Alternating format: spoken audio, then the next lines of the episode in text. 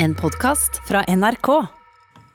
12 000 tilhengere går vanligvis på julekonsertene til DDE, men i år får veldig få være i konsertsalene.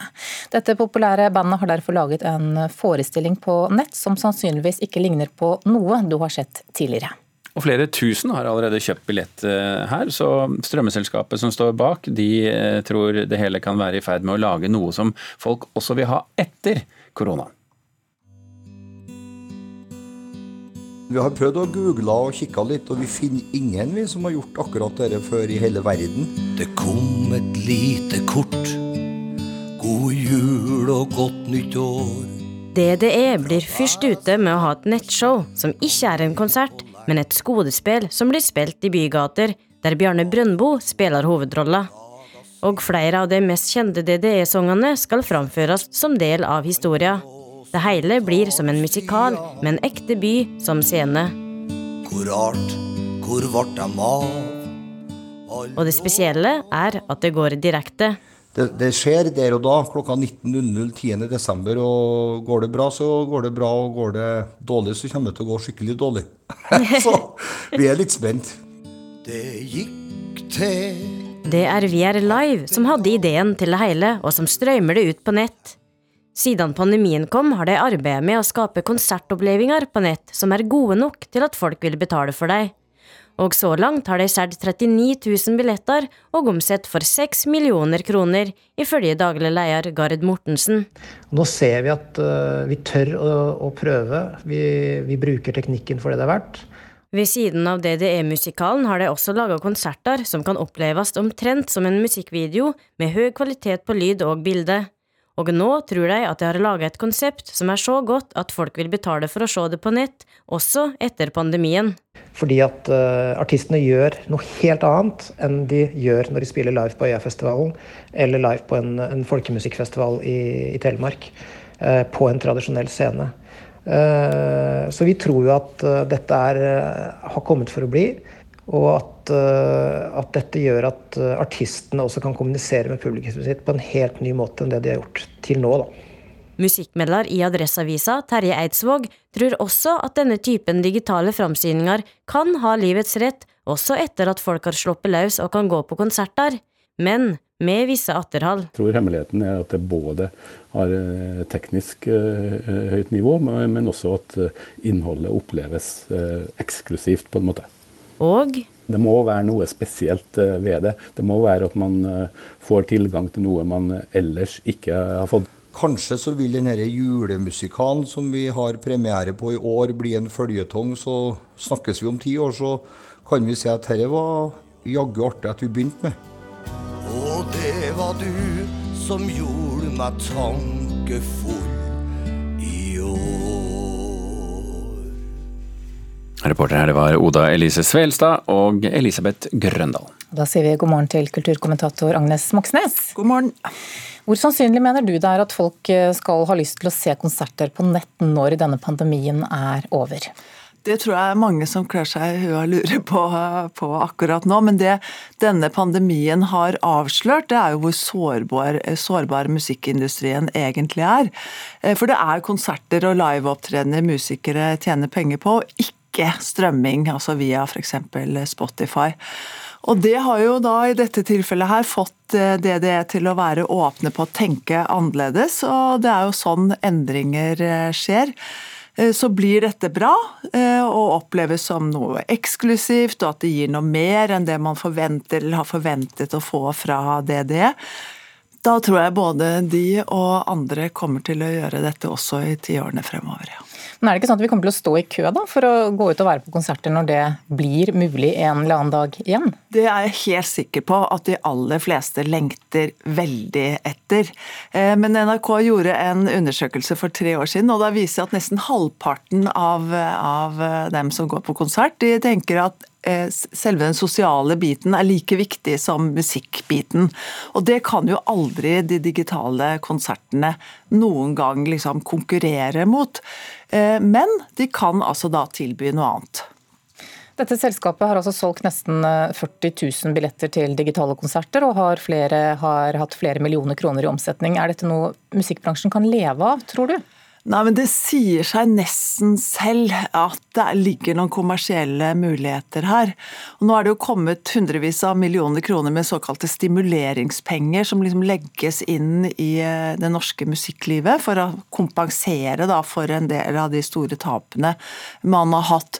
Og Jeg håper virkelig at en del av de stimuleringspengene også går til nettopp det der å tenke fremover. Hvor, på hvilken måte kan vi bruke de utviklingsmulighetene som vi ser nå. Fordi at eh, det eh, økosystemet som gjelder for formidling av musikk i verden, er, trenger en fornyelse. Og, og, da Nå ser vi jo liksom bare på Norge, men dette er, er, jo et fenomen du ser rundt omkring i verden også. At flere og flere er nødt til å legge ut konserter og tenke annerledes når de gjør det. Og ikke minst hvordan sikre at musikerne tjener penger på, på det de gjør.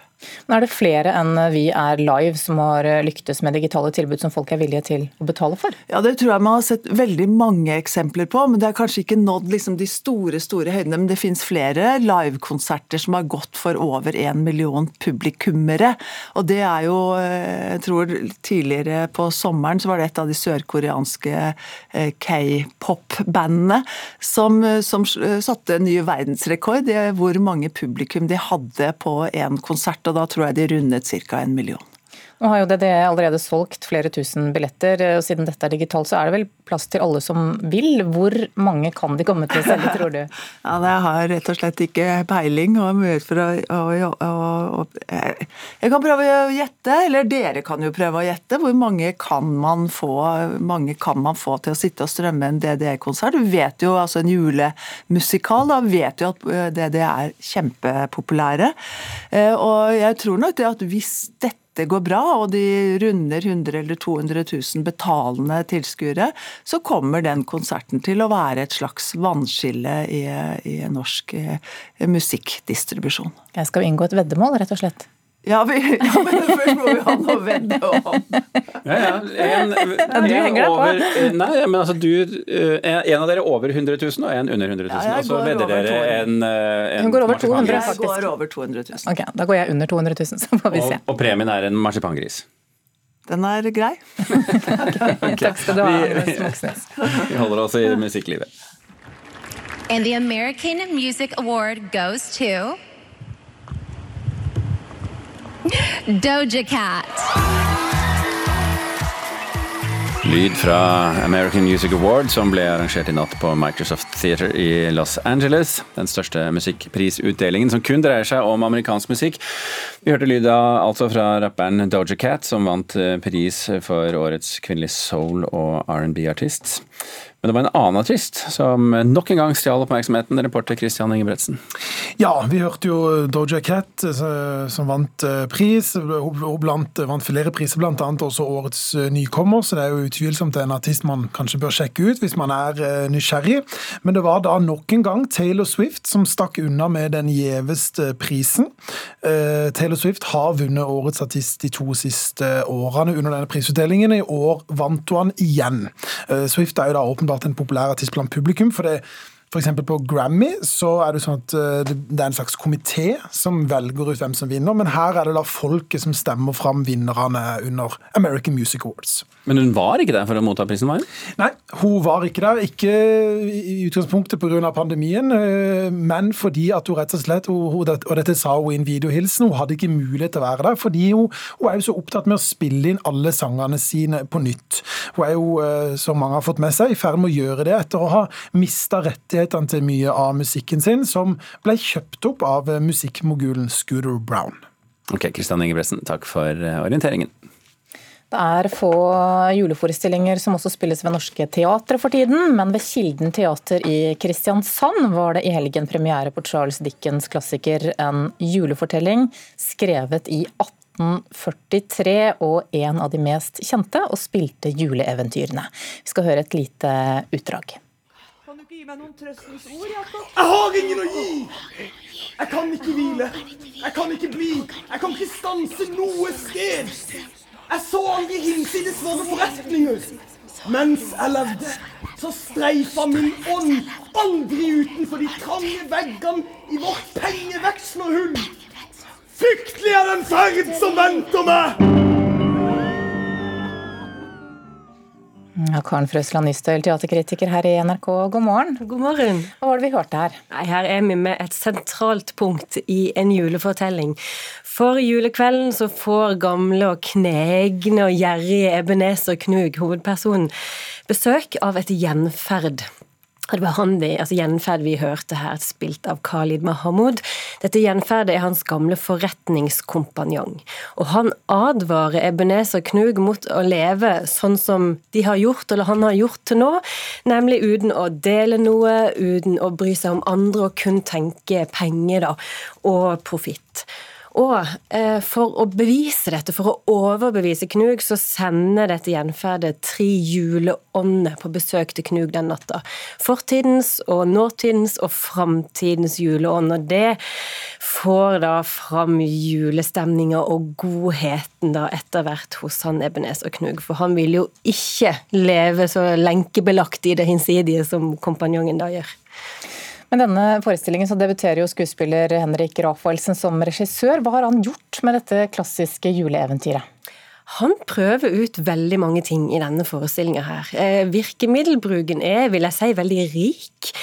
Han, eh, han, bruker stumfilm som virkemiddel, han bruker skyggeteater. Han har fire pianoer på scenen som spilles på og brukes nesten hele tida. Eh, og så har han samtidig klart å lage en ganske gammeldags stemning.